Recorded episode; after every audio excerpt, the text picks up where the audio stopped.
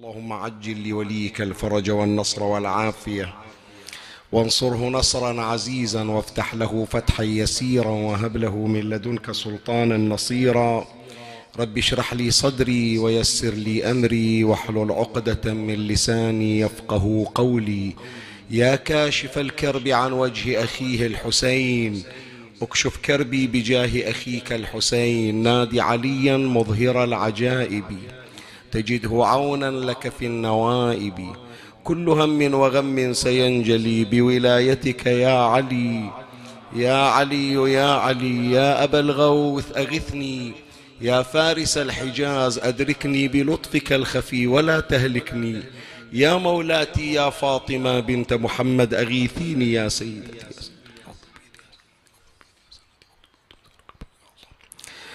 صلى الله عليك يا سيدي ويا مولاي يا رسول الله. صلى الله عليك.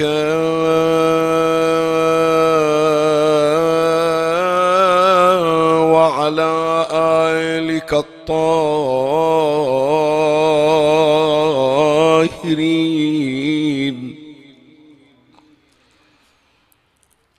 فاز من اعتصم بكم. وأمن من لجأ إليكم يا باب الرحمة ونجاة الأمة. يا ليتنا كنا معكم سعادتي فنفوز فوزا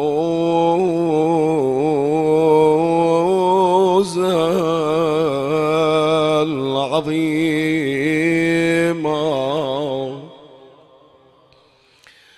وجهت سلامي إليك يا مولاي.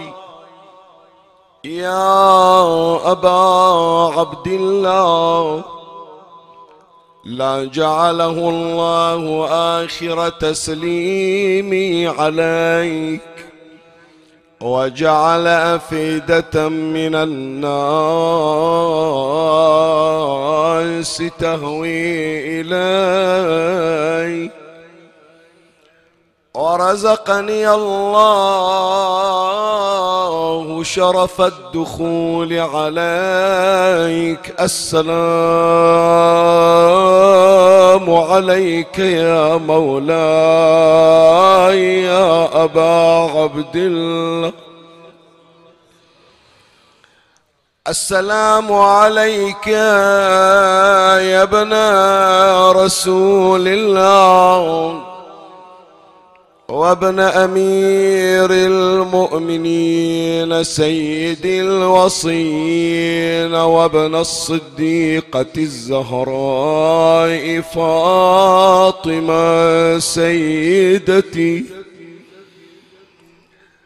وسيدة نساء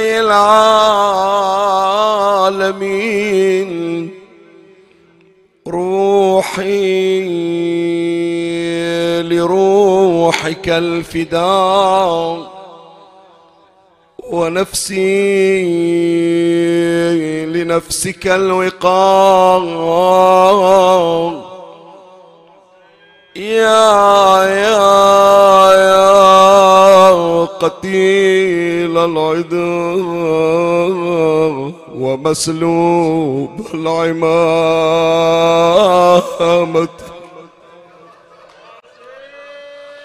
باكر باكر هالحزة ها. إي والله أقل من 24 ساعة ترى. جهز نفسك عمي. صيحة باكر تحتاج إلى استعداد. لبالك هي بالقعدة وتسمع وتصرخ لا. تصرخ في مسامع التاريخ. تقول لهم هذا الجرح مو مال يوم ولا مال ألف سنة. لا والله من انذبح وإحنا بأصلاب آبائنا وبأرحم أمهاتنا. ننتظر يجي هذا اليوم حتى نصيح يا حسين. هو طالبنها من عندنا أبو علي. هو على التراب وطالبنها من عندنا هو راسه على الرمح والجسد بلا راس. ويقول أريد صيحة صيحة الدنيا كلها تسمعها الكون كلها تسمعها. الملائكة ضجت بالسماوات. ساعة مقتل الحسين الملائكة رفعت رؤوسها من صوامع العبادة. بس يقول عندي شيعة راح يجون أريد صيحتهم تعلو على صيحة الملائكة. حضر نفسك من الآن.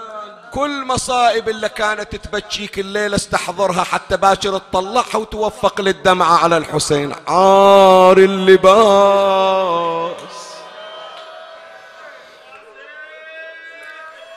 شلون أقراها؟ والله ما أدري. القميص اللي لبسته الحسين زينب بإيدها. يوم مرت عليه وشافته مقلوب على وجهه قالت حتى اللي مزقته يا أبو علي شالوه من عليك. عمامة أبويا اللي على راسك وين راحت؟ المحبس اللي بخنصرك يا حسين من أسلم عليك أبو سيدك وين الإيد وين الخنصر؟ شلون أقراها؟ هذه الليلة تصورها. أبو علي الليلة عاشر. قلبي مكسور ضميتني إلى صدرك حطيت خدي على صدرك. قبل لا أمشي عنك يا حسين أريد مرة ثانية أحط خدي على صدرك أحط صدري خدي على شنو؟ على صدر مفتوح. عار اللباس قطيع الراس منخمد الأنفاس. في جندل كالجمر مضطرم يا قتيل العدا ومسلوب العمامه والرداء يا غريب يا, يا مظلوم. كربلاء يا كوكبان يا كوكبان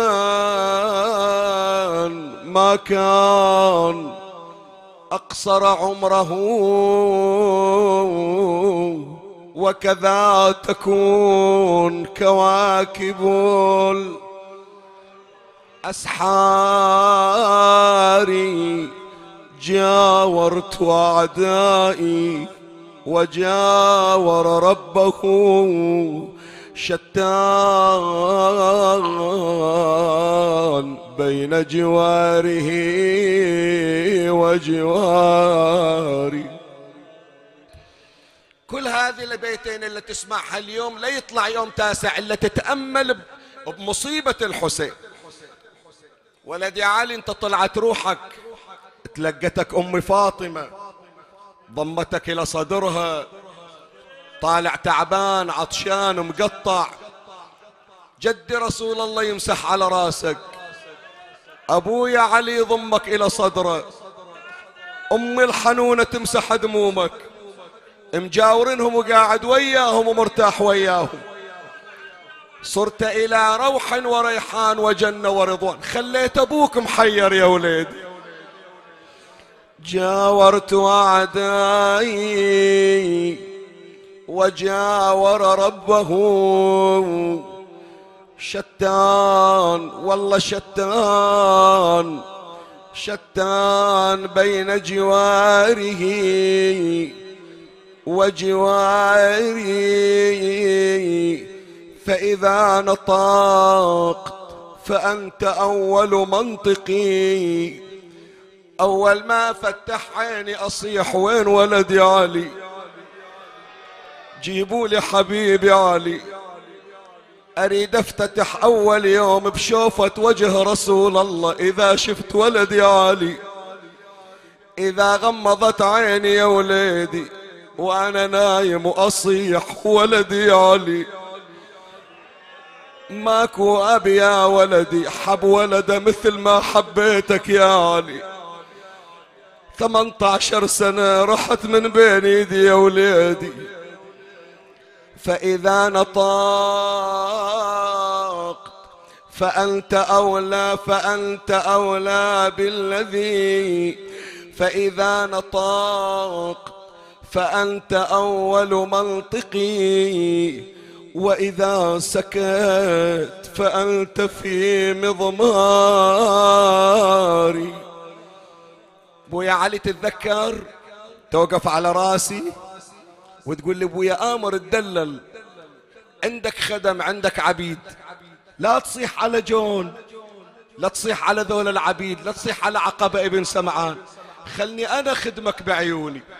شو بس تدلل علي يا أبويا؟ أنا ما أريد أكلف عليك يا وليدي لأني من أشوف وجهك كني أطلب من رسول الله كني أخدم على رسول الله. لكن تمنيت من عندك أمنية واحدة تسويها إلي. رجوتك يا علي تعيش بعدي.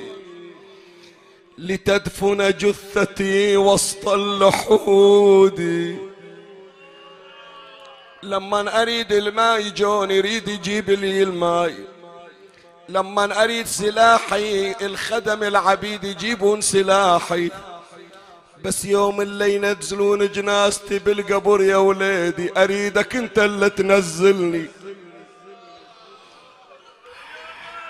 يحضر قلبك أعصر عينك هذا حسين.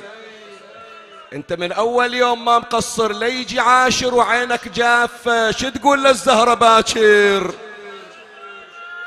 تلاقي الحسين شو تقول له؟ بخلت عليك بدمعتي يا أبا عبد الله. الحجر صار أكرم من عندي يبكي عليك دم وأنا عيني جافة عليك يا حسين.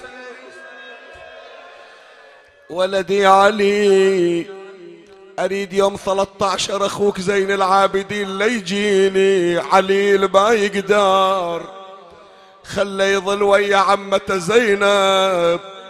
كان ظليت يا وليدي أنت اللي تنزلني بقبري وتحط أخوك الرضيع على صدري.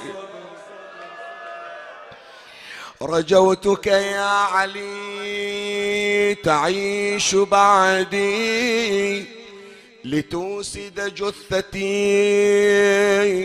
وسط اللحود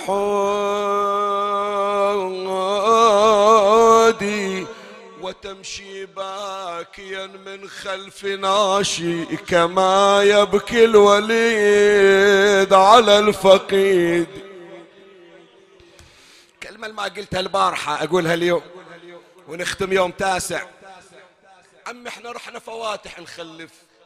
اسم الله عليكم إن شاء الله ما تروحون إلا للأفراح.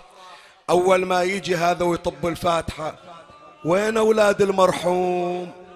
منخلف عليهم. زين أسألكم يا جماعة عقب أربعة أيام يوم 13 بني أسد يوم اللي دفنوا الحسين. حضروا أولاد أبو علي يخلفون عليهم وين اولاده ليش تبكي عمي؟ وين راح قلبك؟ الولد عند أبوه مدفون صوب أقدامه. زين الولد الثاني ما حط فاتحة على أبوه. يقولون له يا ابن الحسين دخيل الله ما يخالف بنسوي ثلاثة أيام فاتحة حال أبوك حال الناس ولا يستاهل الزمن كله فاتحة عليه. قال عندي فاتحة بس مو في كربلاء. في وين؟ قال في الخرابة ويا عماتي.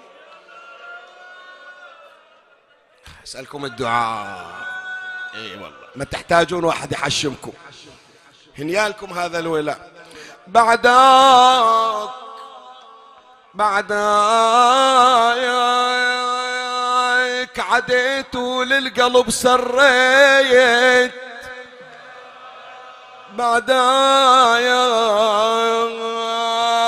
وفعلت افعال داح الباب بعدك علي علي علي على الدنيا العفا يا علي. بعدك وأنا الدنيا غدت ظلمة علي. أنا الدنيا غدت الظلمة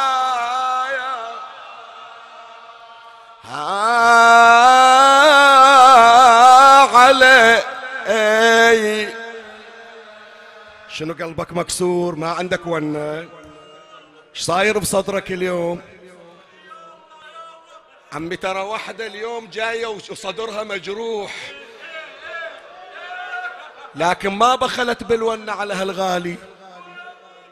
إيه ما ألومك حرارة الجو. وإلى الصبح أنت بالمواكب ما تلام. وتعب مخلوف عمي.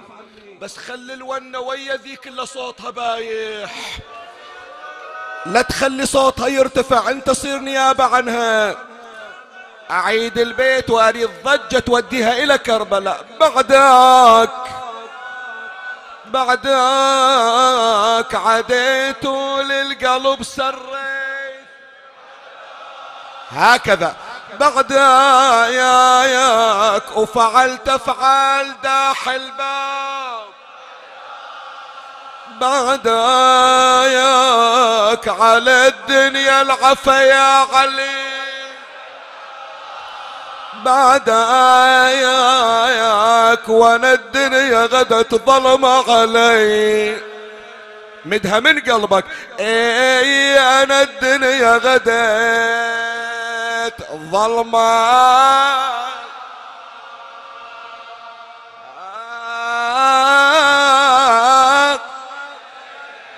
عافية عليكم. هالشكل الوحدة خليها على طول هالشكل. وانهار. وانهار. علي علي يا أبويا ظهر ينكسر. وانهار. وانهار ودمع العين مثل السيل. وانهار أنا أنا لنوح عليك يا ابن بليل. وانهار وندبك يا شباب الغاضري وندبك يا شباب الغاضري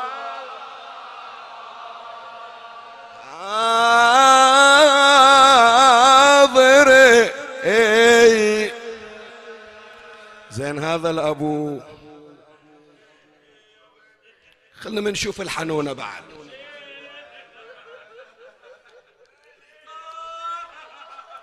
إذا أبو الصبر وأبو التحمل هذه حالته. المؤرخون يقولون ملأ البيدة بأنين كربلة كلها ون على الحسين. لا سمعوا صوت خيول لا سمعوا صوت عساكر بس صوت واحد على الدنيا. هذا الابو الأم شلون؟ ربيت لك يا ابني وساهرت الليالي.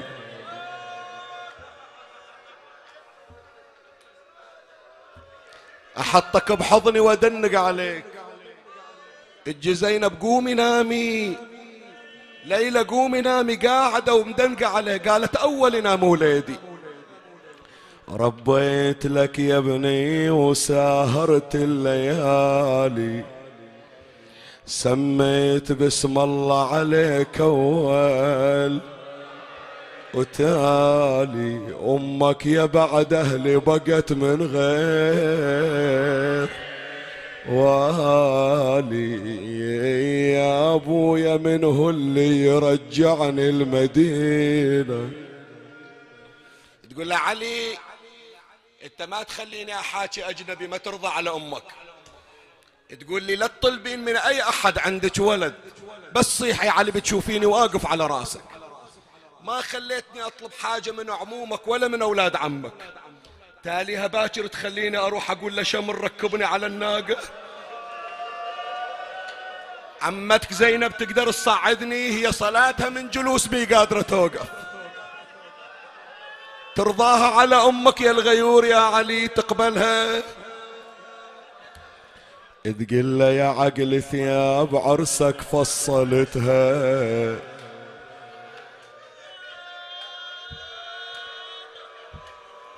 إي والله. حاجزين للصالة بعرسونا. وتالي زفوه في المقبرة. إي لكل ام مجروح قلبها تراها. اليوم بلسم بلسم على جروحها تقول له يا عقل ثياب عرسك فصلتها. وكني خسرت حسبات قلب اللي حسبتها. علي وكل الأسف زفت زواجك.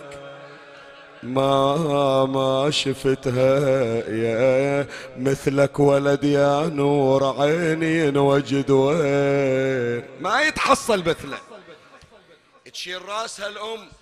اليوم نياحة بعد عمي. إيش بقى عدنا؟ اليوم وباكر فخليها اليوم يوم نياحة بعد. شوف الأم متى تنتظر؟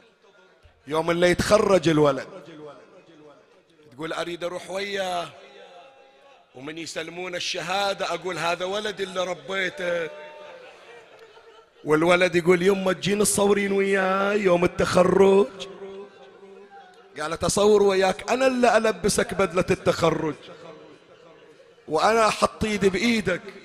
وأقول يا ناس يا عالم شوفوا هالولد المتفوق. هذا ولدي أنا اللي مربيتنا اسمع أم اليوم شو تصيح؟ تدري تدري تدري الوالدة تفخر بابنها. تريد يظل الكبر سنها.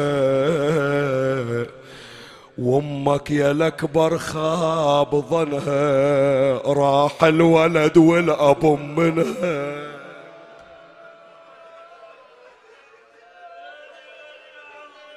والله لا أمرد قلبك ترى. تدري يما تدري الوالدة الوالدة تفخر بابنها بابنها يا يا تريد يظل الكبر سنها. وأمك يا الأكبر خاب ظنها راح راح الولد والاب منه علي. انت ما تدري عني انت تروح ويا أبوك. بس ما تدري إذا طبوا النسوان عندنا بالبيت. من يقولون هالولد اللي طالع من البيت كأن النبي منه أقول هذا ولدي هذا ولدي علي. ربيتك يا يمه وشلت بيك الراس. اعطني مهلة عمي أبوس إيدك. خلي شوي أعرف أقرأ لك.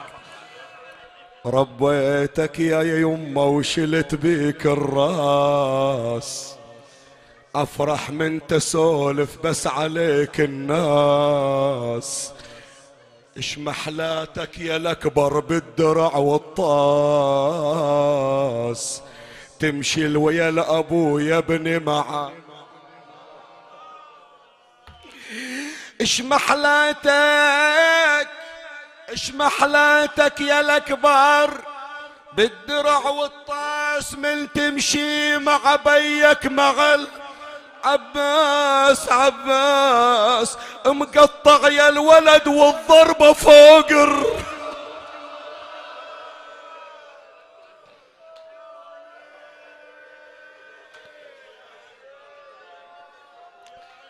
حتى أخلي نقطة آخر السطر بعد.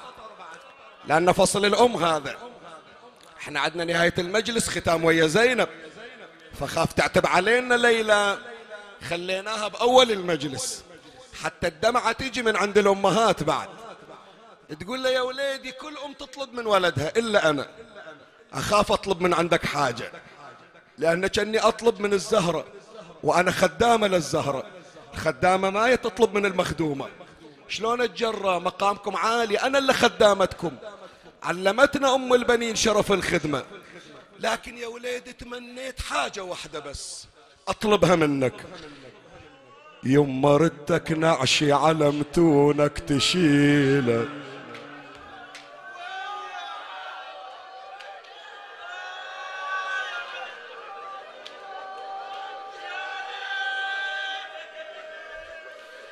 ما ردت أجنبي ينزلني بقبري. ترى غريبة ما عندي أحد بالمدينة. يوم اللي أموت منو ينزلني؟ غير أنت يا علي. أنا ردتك نعشي على متونك تشيله وتراب القبر فوقي تهيله. أمك يا علي ظلت ذليله.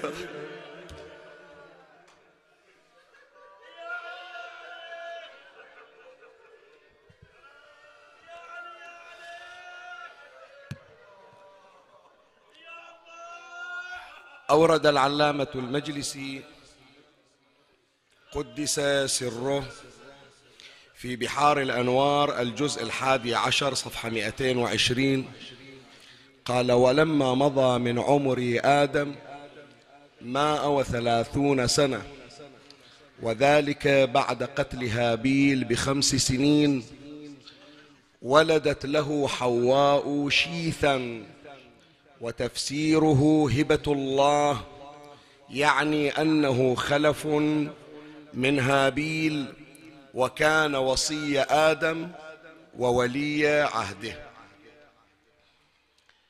الحديث عن أولاد آدم وأولاد الحسين صلوات الله عليهما. على اعتبار أن هذه الحلقة هي الحلقة التاسعة من سلسلة آدم والحسين عليهما السلام. وقد عوض الله تبارك وتعالى آدم عن ألمه بفقد ولده. ورزقه الله تبارك وتعالى الذرية.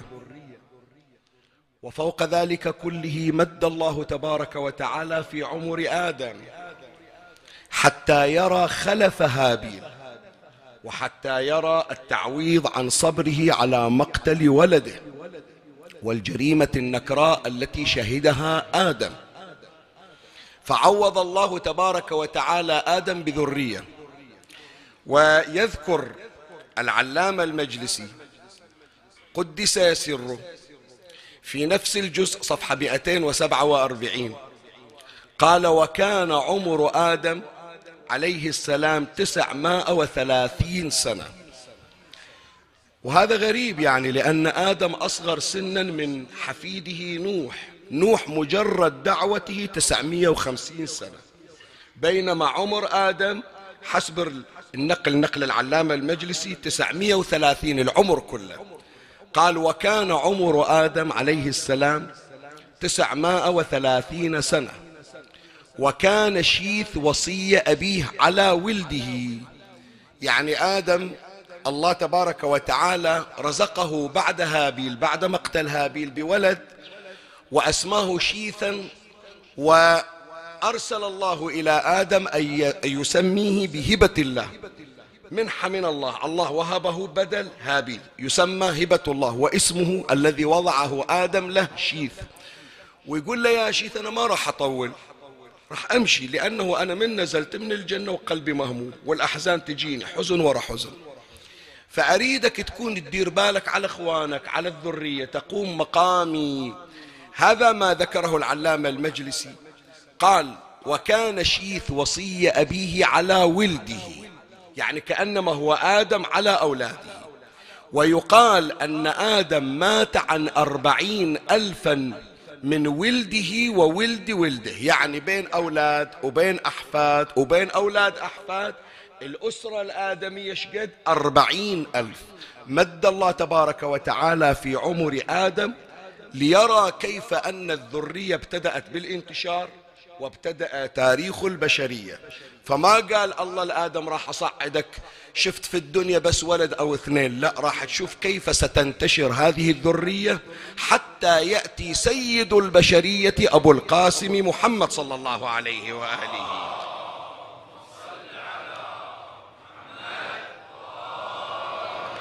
فأعطى الله تبارك وتعالى آدم عليه السلام من العوض. أولا تعويض بالذرية. ما راح الولد وانقطع النسل. لا. الله جاب له ذرية. هي واحدة. ثانية الله تبارك وتعالى مد في عمره ليرى انتشار تلك العطية الثالثة وهي الأهم أن الله تبارك وتعالى رزقه من أولاده من أدخل السرور على قلبه يقول له أنت ما مداك تتهنى ويا هابيل. تو في شبابه ويقتل. وممن؟ من أخي. والأخ الثاني شقي والمستجار بالله. أول, أول مجرم على سطح الكرة الأرضية. فأنت ما مداك تتهنى وتشوف السعادة اللي يحصلها الأب من وراء صلاح الأولاد.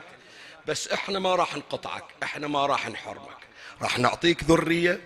وراح تشوف هي الذرية شلون الأولاد البارون يعاملون آبائهم. فحديثنا يا إخواني فيما تبقى من دقائق يسيرة جدا من مطلبين نتحدث خلالهما عن حالات آدم مع أولاده ثم نروح إلى حبيب القلب إلى المعشوق إلى العشق الأزلي إلى الحسين عليه السلام. نشوف كيف كان أولاد آدم مع آدم وكيف كان أولاد الحسين مع الحسين. ونشوف اللي حصل آدم من سعادة بأولاده مثل اللي حصلها الحسين بالسعادة مع أولاده وما الفرق بينهما. هذا تلخيص لبحث هذا اليوم الذي سيستغرق دقائق يسيرة ومن الله أستمد العون والتوفيق ومن مولاي أبي الفضل العباس المدد وألتمس منكم الدعاء وثلاثا باعلى الأصوات. صلوا على محمد وآل محمد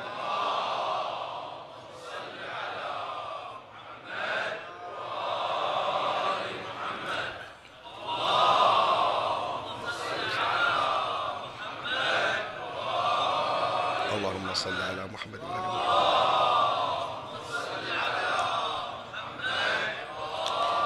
مولاي الكريم اسمعني وفرغ لي قلبك وأعرني سمعك وأقبل علي بكلك.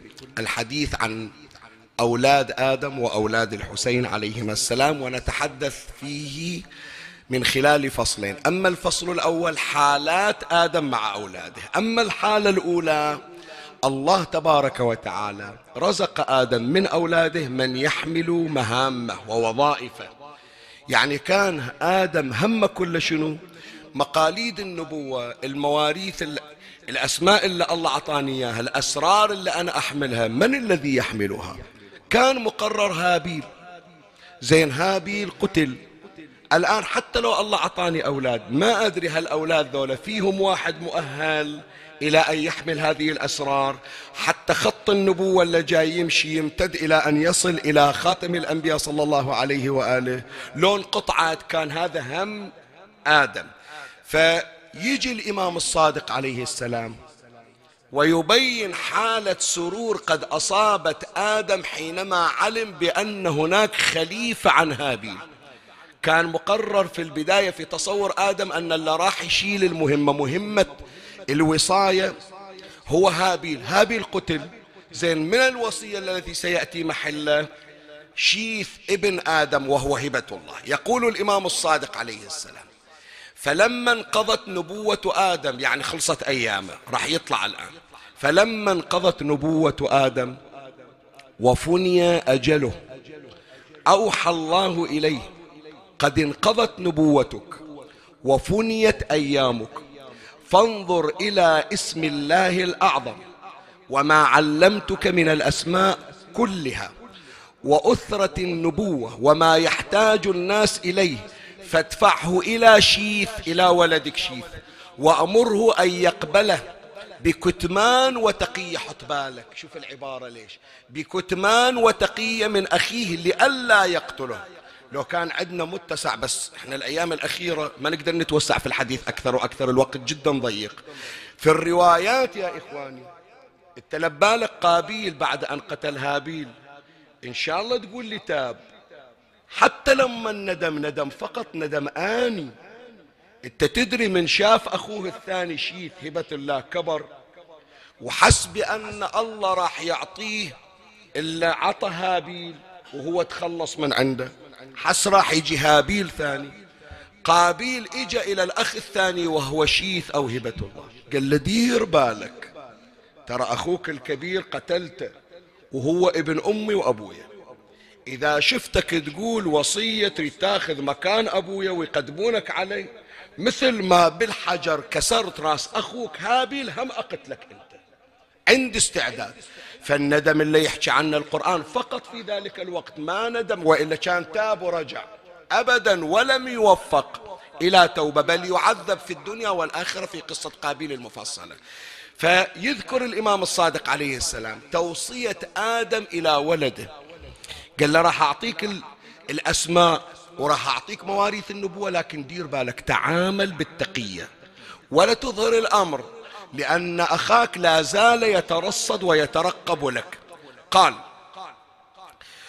فادفعه إلى شيث وأمره, ب... وأمره أن يقبله بكتمان وتقية من أخيه لئلا يقتله كما قتل هابيل. فإنه قد سبق في علمي أن لا أخلي الأرض من عالم يعرف أن لا أخلي الأرض من عالم يعرف به ديني ويكون فيه نجاة لمن تولى. فإحنا عمي أسألكم شباب وصي النبي منه. من الذي كان وصي رسول الله صلى الله عليه وآله؟ أمير المؤمنين. فلو وجهوا إليك رسالة في تاريخ البشرية سؤال أول وصي أول وصي لأول نبي من هو؟ شيث ابن آدم. هذا أول الأصي أول وصي وسيد الأوصياء وأشرف الأوصياء. بعد كل الأوصياء أمير المؤمنين علي بن أبي طالب وصي نبينا محمد صلى الله عليه وآله.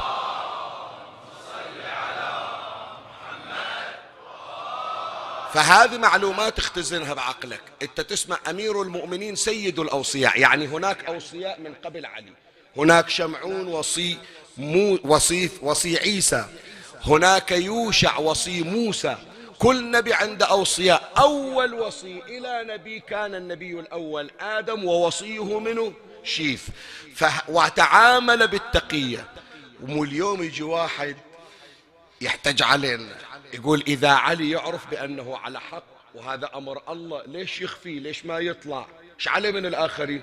مثل ما أول وصي وهو شيث خاف على هذه على العقيدة وعلى الدين من اغتيال قابيل كما اغتال أخاه. فآثر أن يبقى بأمر من الله في تقية وكتمان حتى يظهر الوصية. فإذا أول حالة من حالات آدم مع أولاده أنه وجد الذي يحمل مهمته وينقل أسراره ويقوم بنقل الوصاية على أكمل وجه. هذه أول حالة. بعد الحالة الثانية من حالات أولاد آدم. أولاد آدم يا إخواني يتمنون فقط قضاء حوائج آدم. ترى يتونس الواحد لما يصير عنده أولاد. لكن يتمنى ذول الأولاد يكونون هم المبادرين إلى هم المسارعين إلى. عندي أولاد لكن ألجأ إلى الغريب. تصير حسرة بقلب الأب. وما يحكيها مرة الآب يقدر يسولف ومرة يقول إذا سولفت الناس راح تعيبني أنا لأن جاي أحكي أسراري. فالظل حسرة بقلب الأب. وسعادة الأب إذا رزقه الله أبناء هم الذين يتولون شؤونه ويقومون بخدمته. الله تمم السعادة على آدم بأن رزقه أولادا يقومون بخدمته. عند من ضمن أولاده غير شيء الله عطى آدم ولد اسمه معد. من أولاد آدم. هذا أخ لهابيل أخ لقابيل أخ لشيث أجابوا إلى آدم ولد اسمه معد. أمير المؤمنين سلام الله عليه في بحار الأنوار الجزء 11 صفحة 235 ينقل قصة هذا الولد الرابع من أولاد آدم اللي اسمه معد. وكيف أن أنسه وحبه وعشقه أن يخدم أباه. ما يريد يكلف على أبوه. يقول هذا أبويا ونبي ومقرب من الله. وهذا نور النبي محمد صلى الله عليه وآله في صلبه راح يجي في الذرية. فأنا أدير بالي عليه. شنو يريد من خدمة أنا أسويها؟ خلينا نسمع رواية أمير المؤمنين. سلام الله عليه. قال أمير المؤمنين عليه السلام أول من ركب البغل آدم عليه السلام. وذلك أنه كان له ابن يقال له معد وكان عشوقا للدواب. حط بالك.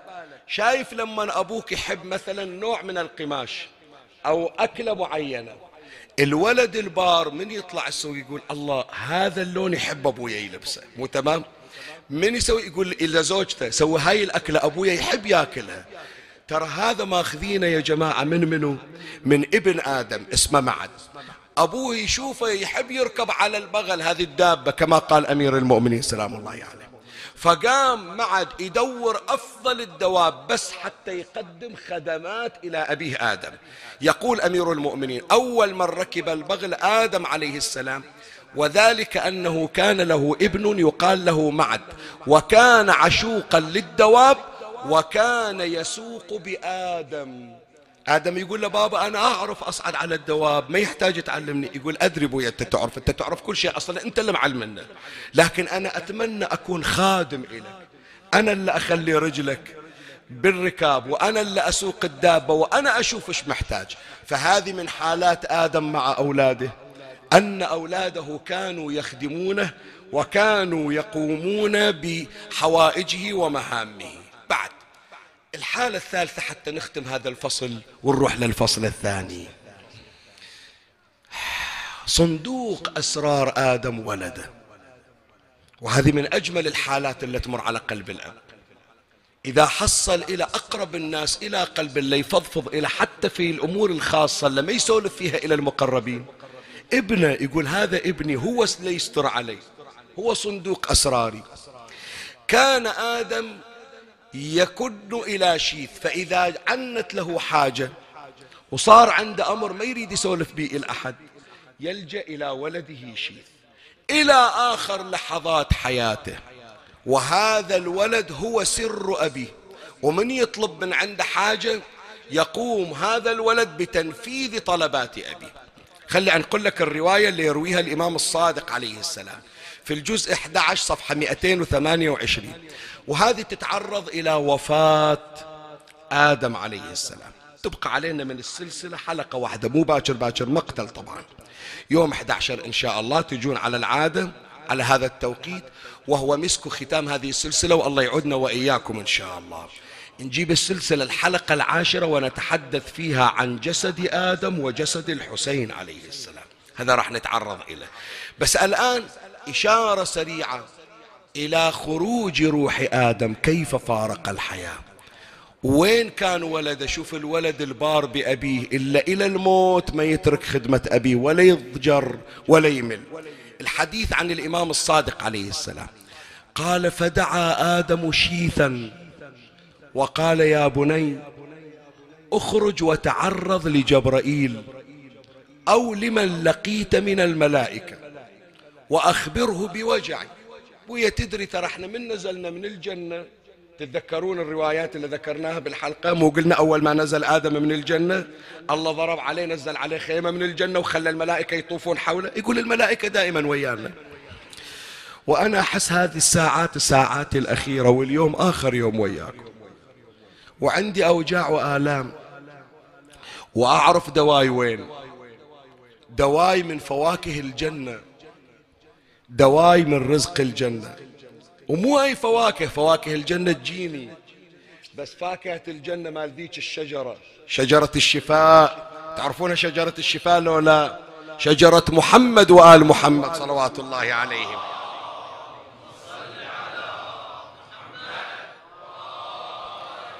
فيقول اطلع روح إلى جبرائيل. شوف هناك موجود لو بعد ما نزل. إذا ما حصل جبرائيل دور على واحد من الملائكة. الملائكة دائما من يوم اللي نزلنا هم يحافظيننا قبل لا تجون أنتم يا أولادي. وقولوا لهم قولوا لهم أبويا متوجع ودواه في ذيك الشجرة. شجرة أهل البيت.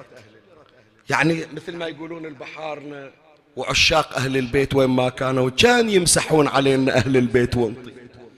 يا أبا عبد الله. لا ينتهي الموسم إلا تمر بيدك علينا فتمسح علينا مسح فيها الشفاء وجبر الخواطر. يا حسين دخيلك يا أبا عبد الله. أمنية تمناها آدم ونحن على خطى آدم. آدم طلبها ساعة الموت. إحنا عمي كل يوم من غير الحسين نشوفه موت.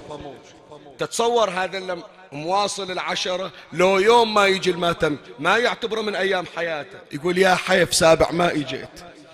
سابع ما حضرت الماتم يعتبر روحه طالعة اسم الله عليه فيقول له روح دور ملك وقول له يجيب لي شوية من فواكه الجنة يمكن يخفف علي الآلام والأوجاع. الإمام الصادق يقول فدعا آدم شيثا وقال يا بني اخرج وتعرض لجبرائيل أو لمن لقيت من الملائكة وأخبره بوجعي. ترى كبرت الآن 930 سنة وتعبان ما بي طاقة بعد. واسأله أن يهدي إلي من فاكهة الجنة قبل أن أموت. أريد أكل من هذه الفاكهة فاكهة أهل البيت. الإمام الصادق عليه السلام يقول وقد كان سبق في علم الله تعالى أن لا يأكل آدم من ثمار الجنة حتى يعود إليها. أي ثمار؟ مو الثمار العامة الثمار الخاصة مال شجرة أهل البيت. حتى يعود إليها. فخرج شيث. شوف الولد الحنون. طلع راح يدور. أبويا مريض تعبان. إن شاء الله ألقى لي ملك. إن شاء الله ألقى لي جبرائيل نازل. أقول له دير بالك على أبويا ما أقدر أشوفه يتوجع. يريد شوية من فواكه الجنة. قال فخرج شيث فلقي جماعة من الملائكة. قال حصل ذا الملائكة. فأبلغهم ما أمره آدم. قال لهم جبرائيل أبويا ترى يتوجع. ويقول دواه وشفاه في فاكهة الجنة ثمار الجنة. ما تنزلون إلى شوية حتى يطيب. فقال جبرائيل يا شيث آجرك الله في أبيك فقد قضى نحبه. فآدم فارق الحياة ولده مو حاضر ولده وين كان رايح؟ رايح يدور على شيء من الفواكه من ثمار الجنة يجيبونها الملائكة حتى يعالج أبوه. بس أقول هالكلمة يعني حتى إي والله. حتى نختم يعني. يعرفونها إن شاء الله إن شاء الله عندي بالمجلس إن شاء الله عندي بالمجلس ما واحد مرت عليه هالحاله والله يخلي آبائكم خيمه تظلل عليكم. لأن فقط لابو يا جماعة كسرة. كسره كسره كسره كسره كسره كسره الله لا يراويكم فقد الابو شو يسوي الولد إذا مات أبوه وراس الأبو بحضنه حتى لو الجرح حار لكن كل واحد يجي يخلف عليه يقول له هنيا لك هنيا لك. إلى آخر لحظة وأبوك طلع وراسه بحضنك وراضي عنك هنيا لك. عاد الحج لو لا هذا الكلام. إيه. لكن عم اللي يموت أبوه وهو بعيد عنه تظل بقلبه حرارة وكل ما يشوف صورة أبوه أو اسمه مثل الملح على الجرح.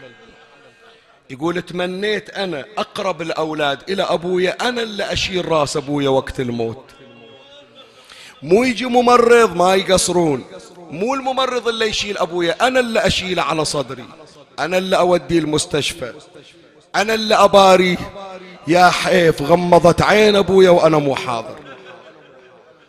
أنا يا جماعة أبويا فارق الحياة وأنا في كربلاء في الكاظمية يتذكرون. إلى الآن هذا الكسر ما أنسى. كان يرسل أبويا يحاس بالموت ويرسل يقول متى بتجي؟ يريدني أنه وقت الموت أكون أنا اللي حاضر. ما حصلت هذه. شوف وين أوديك؟ هذا مع العلم يا جماعة أنا بالعراق وأبويا بالبحرين.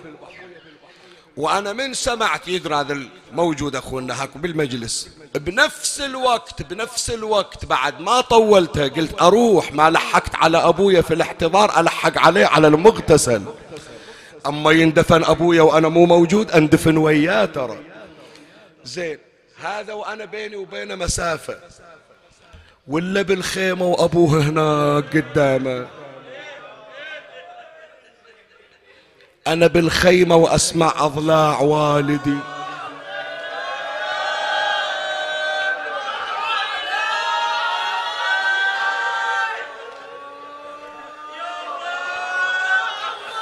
هذه خليها ترى من معاناة زين العابدين. والله هذا من الرزق الغير محتسب. ما قايل راح اقراه شلون إجت ما أدري. تعرف إيش أقول لك لولا أقول هذا الولد البعيد عن أبوه يظل مكسور قلبه. وهم ويا أبوه ومرضينا ومودينا المستشفى والخوات وياه وبقية الإخوان وياه. يقول ليش ما حضرت موتة أبوي؟ ولا يسمع أضلاع الحسين تتكسر. عطني مهلة عمي عطني مهلة. عطني مهله أبوس إيده. دين كان قمت رحت شلته إنتوا رايحين كربلاء لو مو رايحين؟ لا تبكي عمي رد علي تالي ابكي. رايحين كربلاء لو لا؟ وين المخيم عن الحرام؟ كان رحت له. أنا انت يوم 13 رايح. إن كان أخذت العصا وقمت مشيت إلى أبوك وسحبته من تحت حوافر الخيل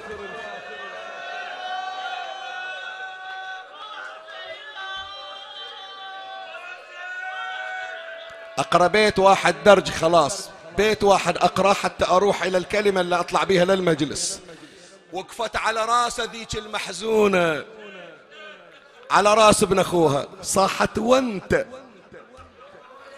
وانت توسع جرح قلبي وصعب. خياطة يعني. يعني قلبي مجروح ما يتخيط بعد. توسع جرح قلبي وصعب. وانت على ابن أم الوقع وأنا سمعت. وانت. وينهم عشاق أبو فاضل؟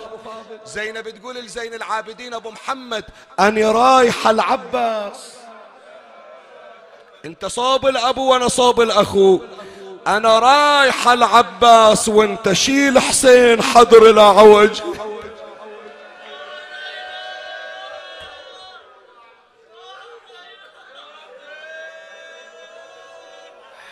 عمي بعد نختم مجلسنا إيش نقرأ؟ أكثر من هذا. الدمعة وإجت. بس شوف إذا كان آدم عنده شيث يحن عليه فحسين عنده علي الأكبر. عمي أي شيث؟ أي ستين من شيث أي ألف من شيث. يعادل حنان هالولد الشاب على الحسين. إلا يوقف ما يخلي ابوه مغمض عينه. إلا وهو عنده يقول أخاف أبويا يحتاج إلى شيء. ما أخليه يصيح على جون ما أخليه يصيح على عقبة ابن سبعان ما أخليه يصيح على أحد. أنا الأخدم أبويا. يوقف يمه بطن جواده ببطن جواد أبي. وأبوه مغمض عينه من التعب مهموم أبو علي.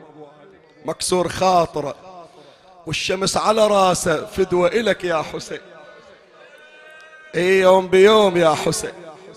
علي الأكبر جاي يم أبوك شفت الشمس نازلة عليه وغمضت عينه كسر قلبك. وهو على ظهر الجواد وأبو فاضل حاضر. يلحنون يا علي الأكبر عقب ساعة لو حضرت إلى حسين وخده على التراب. حضر إليه واقف عنده يقول يمكن يحتاج إلى شيء. بينما هو كذلك وإذا الحسين رفع طرفه قال إنا لله. وإنا إليه راجعون. صار يكررها يكررها يكررها. يقول له اسم الله ابويا اسم الله. لا أراك الله سوءا. لما استرجعت؟ قال رأيت فارسا على فرس. يقول القوم يسيرون والمنايا تسرع بهم. بويا جايين الذبايح جاية الجنايز جاية. بعد هالطريق ما وراه إلا الموت والقتل يا علي. شوف الولد اللي يطيب خاطر أبوه. قال أبا أولسنا على الحق؟ قال بلى والذي إليه مرجع العباد. قال إذا لا نبالي بالموت. وقع علينا أم وقعنا عليه؟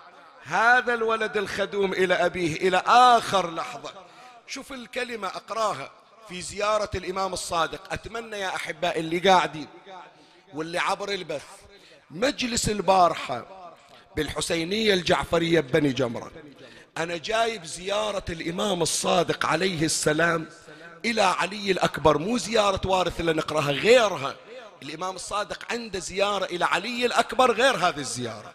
أتمنى تسمعونها وتشوفون شنو فيها من مصائب وأهوال. بس أقرأ لك جزء منها الآن جزء بسيط وأختم الحديث مجلس اكتفى. الإمام الصادق يزور علي الأكبر شي يقول؟ وبأبي أنت وأمي من مقدم بين يدي أبيك يحتسبك ويبكي عليك. شوف عبارة الإمام ترى الإمام الصادق حاط ماتم على علي الأكبر. ما مر علي تدري عني أنا صار لي سنوات أقرأ عندك ما قارنها هذه أول سنة أقرأها. يقول جد الحسين احترق قلبه على هالشباب. يحتسبك ويبكي عليك محترقا عليك قلبه. يرفع دمك بكفه إلى أعنان السماء. لا ترجع منه قطرة ولا تسكن عليك من أبيك زفرة. يعني يقول صار قلب الحسين محروق من الولد. وتري ويريدون يسكت مو راضي يسكت. فلهذا قال المؤرخون لما وصل صوت علي الأكبر إلى الحسين طلع الحسين من المخيم وراح يركض للمعركة ويصيح علي. علي. علي. عمي أبو فاضل وياه ترى. الهاشميون وياه. بس الولد الولد حرق قلب أبوه. يركض بالمعركة ويصيح علي. علي.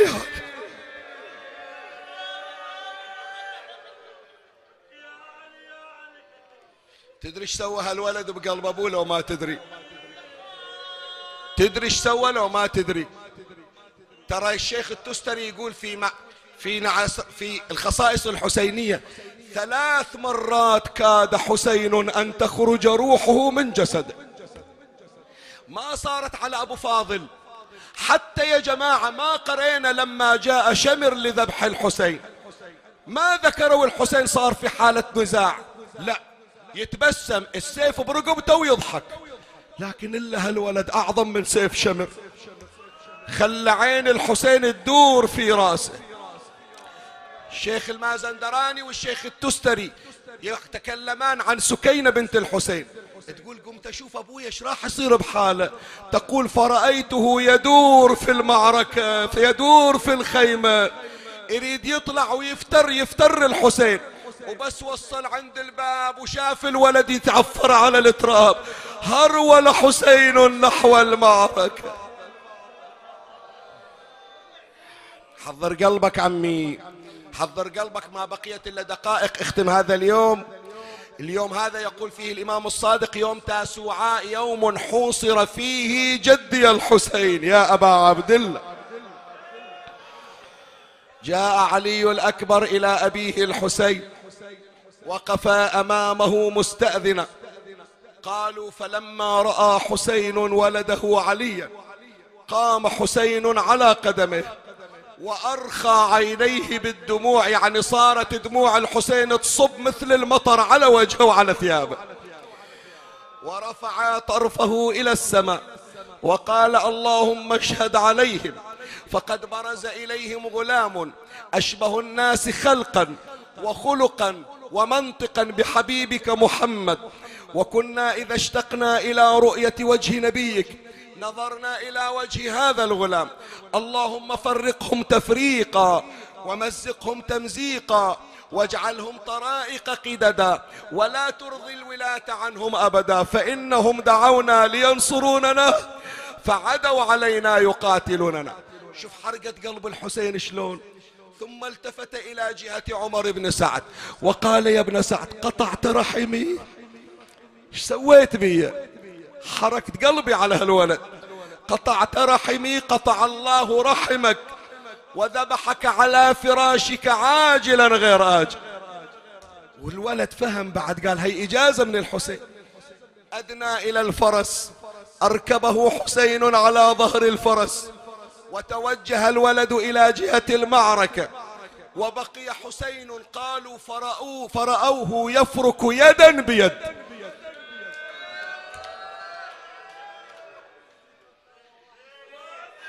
الما عنده ذرية الله يرزق الذرية الصالحة. واللي عنده الأولاد الله إن شاء الله يبلغ بأولاده بس يا أولاد عرفوا حرقة قلب الآباء على أولادهم شلون ظل واقف ظل واقف. الحسين ظل واقف ويفرك يدا بيد. سيد جواد شبر المؤرخ يقول هالكلمة. شافت زينب واقف متحير على وليده.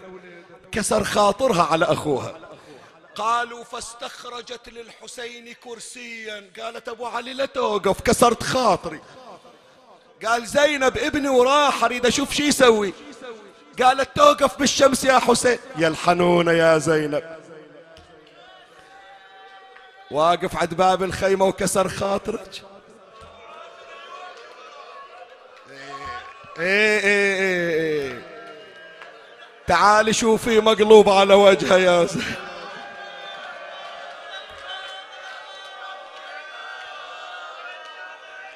من عيوني حاضر. أعرف دواك وأعرف مفاتيحك. إن كان خلوا ليك رد سوي لي ظلام. قولي لأبو محمد ويجي ويجي بشيا أنا أخوكم لا تخلوني على رمال داست على صدري خيول الأعوج.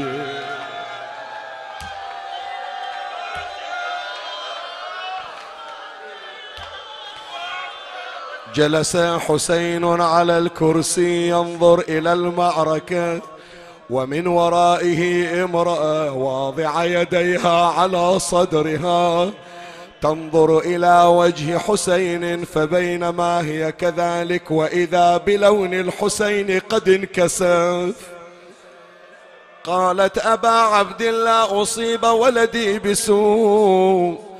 قال لا يا ليلى لا بأس على ولدك ولكن برز إليه من يخاف منه علي.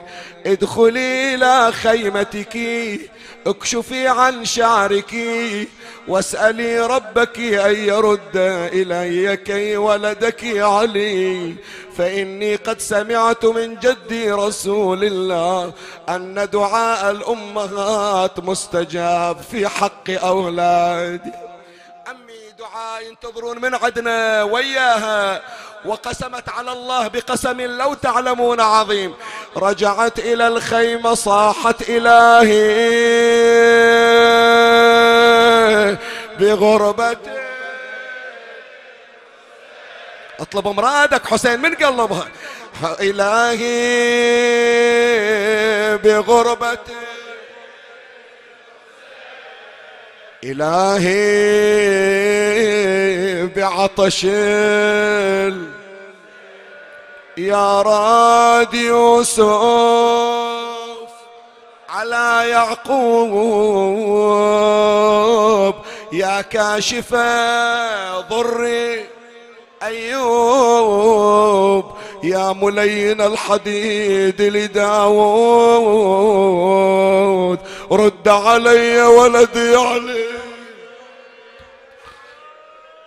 شرفك بالحسينية وبالبيوت كم واحدة تقول رد علي ولدي ألان. عمي وياهم خلي ويا ليلى. طبيت لخيمتها الغريب.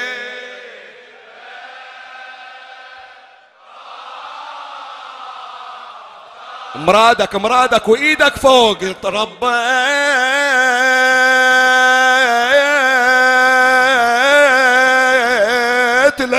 لخيمتها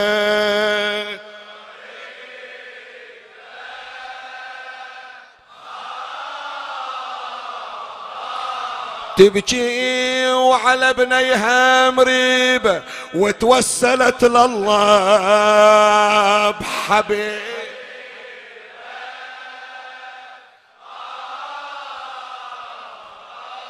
توسلت لله بحبيبه وبالحسين وش ما بي مصيب يا الله دخيل الحسين.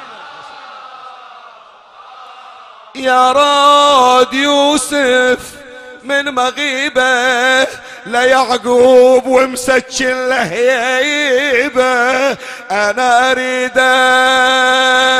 على لساني.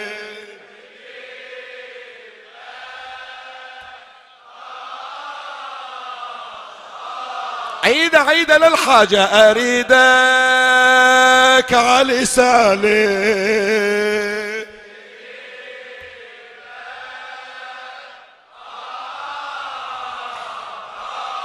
رجع علي إلى أمه استجاب الله دعاءها وليت عليا لم يرجع. برد قلب الأم لكن أحرق قلب الأب. الأم تونست لكن أبوه احترق قلبه. إجا إلى أبيه الحسين يا أبويا قطرة أمي.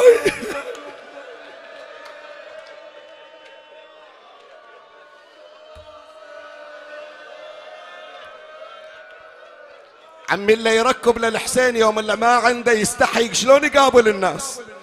يقول كل سنة عندنا ميقات السنة ما نقدر نركب. شو نسوي؟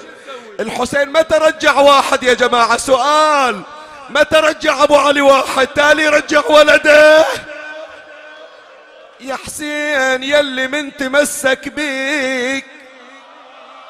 ما خاب ما خاب يا مقصد الوافد. وظن وداح الباب أريد قطرة ماي قلبي. من العطش ذاب غارت عيوني واظلم الوادي علي. كلمة ما قريتها بالمجالس الثلاثة أقرأها بهالمجلس. وكل سنة إحنا من نجيبها تصير ضجة مثل ذبح الحسين. قال له ولدي مو من عادتي أرجع أحد. وأنا ما عندي اليوم ماي ما عندي. موجود لكن ما نشرب. بس راح أراويك شي يا وليدي. شنو ابويا قال له تعال تقرب تقرب. مشى خطوة. قال له بعد أوصل عندي أوصل. تقرب من ابوه قربت يا أبويا. قال بعد بعد. إلي حاجة وياك. تعال عندي. خل صدرك على صدري. وقف حط صدره على صدر ابوه قال له علي افتح حلقك. افتح حلقك. فتح علي فمه يا غيارة عشاق الحسين. فاستخرج حسين لسانه. هذا العطش اللي يقضي حاجتك اللي دعت به ليلى. هذا اللي من صبره وعطشه تعجبت السماء. استخرج لسانه. وضعه في فم علي الأكبر. يقول علي فوجدته خشب يابسا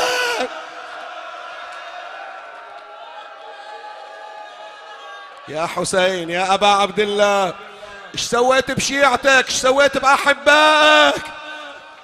بعد ساعة على التراب يصيح عطشان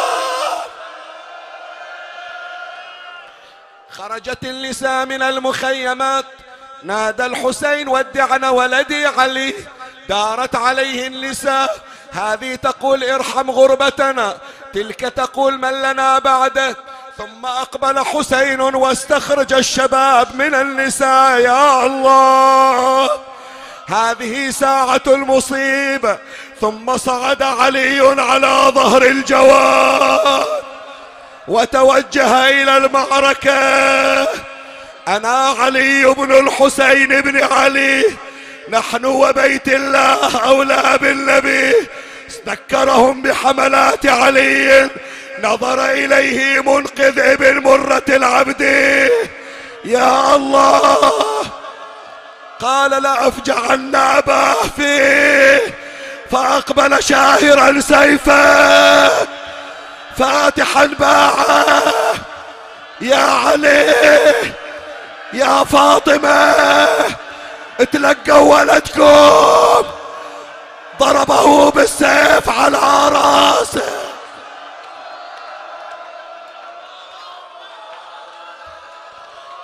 انشق الراس نصفين وصلت الضربة لموضع السجود. كضربة علي بن أبي طالب رمى بنفسه على وجه الفرس. سال الدم على عينيه هرول إلى المعركة داروا عليه ضربا بالسيوف.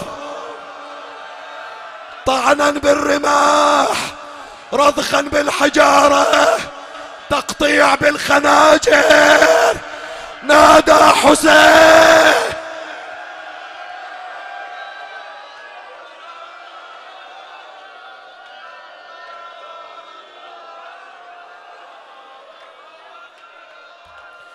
مو شيخ ياسين يقرأ لك ترى. سكينة سكينة تقرأ لك. تقول إيش قد غالي علي هالولد؟ أخوي عزيز على قلبي. كل ليلة يسير علي هو اللي يقرأ لي الدعاء وأسمع صوته. وأنا عيني على المباركة. من سمعت صوته قمت طالع بوجه أبويا نسيت أخويا. وإذا الحسين يدور في الخيمة يدور بالخيمة. ورفع طرف الخيمة وشاف الولد طايح. قام يصيح عليه عليه ولدي عليه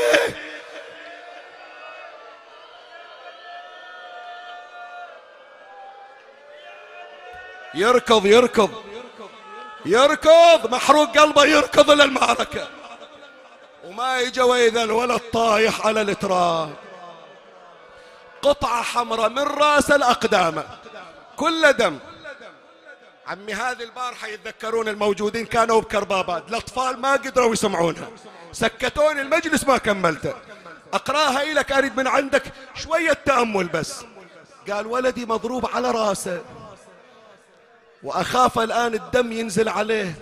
خليه قاعدة آخذه واخلي ظهره على صدري. لبال الحسين الضربة بس في الراس. وهذا الدم كله من الراس نازل على الجسد. أعطيني مهلة عمي. حط الحسين ايدينا على كتفين علي الأكبر. تعرف إيش راح أقرأ لك؟ ها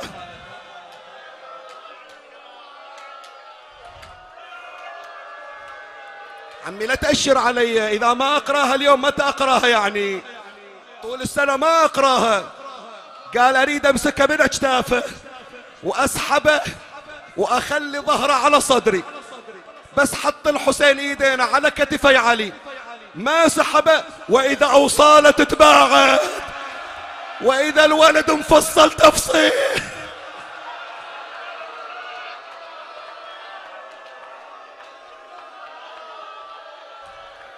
عمية عين لا تدمع عليك يا أبا عبد الله.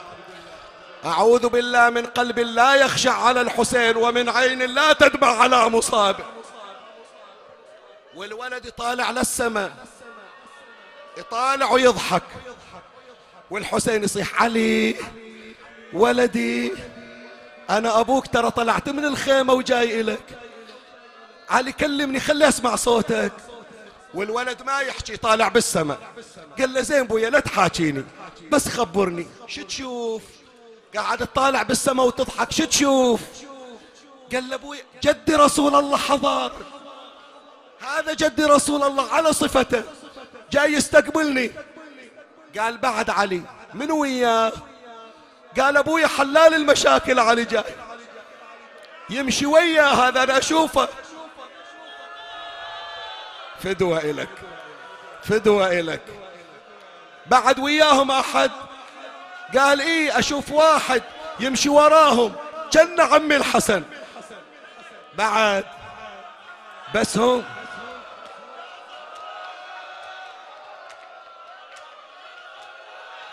حاضرة حاضرة إيه. من حادي هي ويانا. ترى قبل كادر الحسينية هي اللي مبطلة الماتم السنة. هي اللي مهتمة بيكم ودايرة بالها عليكم. شو تشوف بعد علي؟ قال يا أبويا وحدة حاطة إيدها على خاصرتها.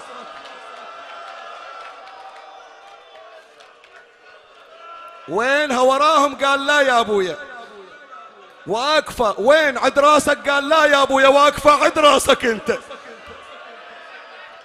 تحكي لو ساكتة. قال تحكي وأسمعها. شو تصيح؟ أنا الوالدة يا حسين يا ابني. يا ابني يا ابني عسى يا ريت ذبحك.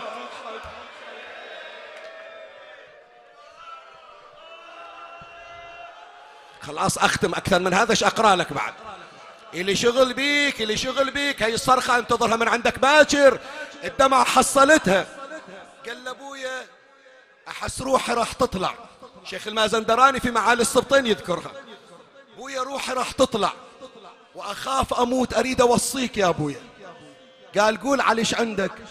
قال دير بالك على أمي. ما عدها غيري ورحت عنها أنا. وأوصيك بهذه النسوة لا يخمشن علي وجها إذا شفتم يا أبويا طالعين من الخيمة قل لهم هالولد ما يرضى موصلني قبل لا يموت. ثم نادى أبي حسين في أمان الله. وصار الولد يضطرب على التراب. وقد شع النور من جبينه. ثم خرجت روح علي الأكبر فصرخ حسين على الدنيا. الصرخة وصلت إلى مسامع زينب. تقول لزين العابدين أبو محمد هل أعرفها؟ الصوت مو غريب قال هذا أبويا وين؟ قالت ألحق عليه لا يموت خلي أروح أشيله عن أبو ولده. وطلعت زينب عند باب الخيمة. وشافت الحسيني وين على الولد. حطت إيدينها على راسه صاحت حسين.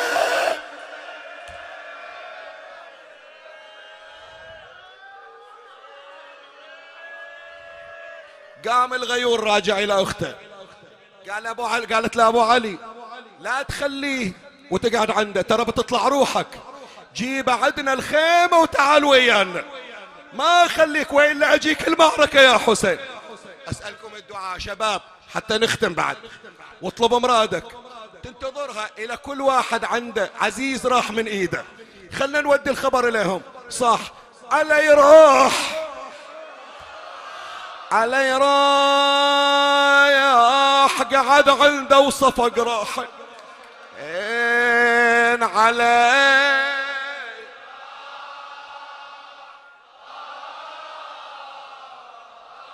علي راح شافوا النبي الشابج. على جروحه علي راح وصاحب صوت يا زينب.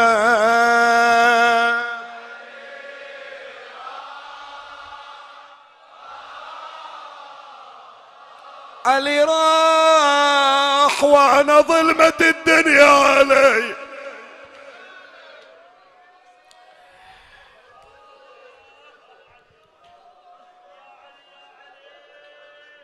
كل يوم نقرأ على منو؟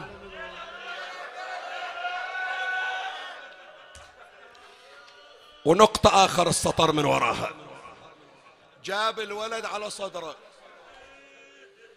ودخل الخيمة ومده. وجت الأم وجت الخوات وجت العمات.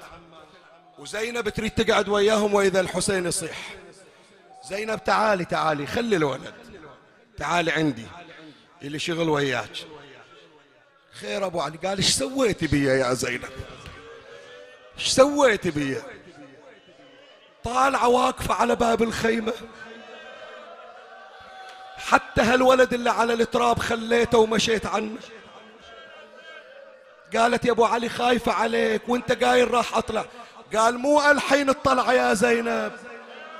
صبر شوية بعد باقي عليك كم ساعة. مو الصبح الطلعة طلعة الظهر. راح تشوفين شيء أعظم من اللي شفتينه. ذيك الساعة طلعي من الخيمة يا زينب. أسألك الدعاء وأنزل من على المنبر. وطلعت طلعت شلون طلعت؟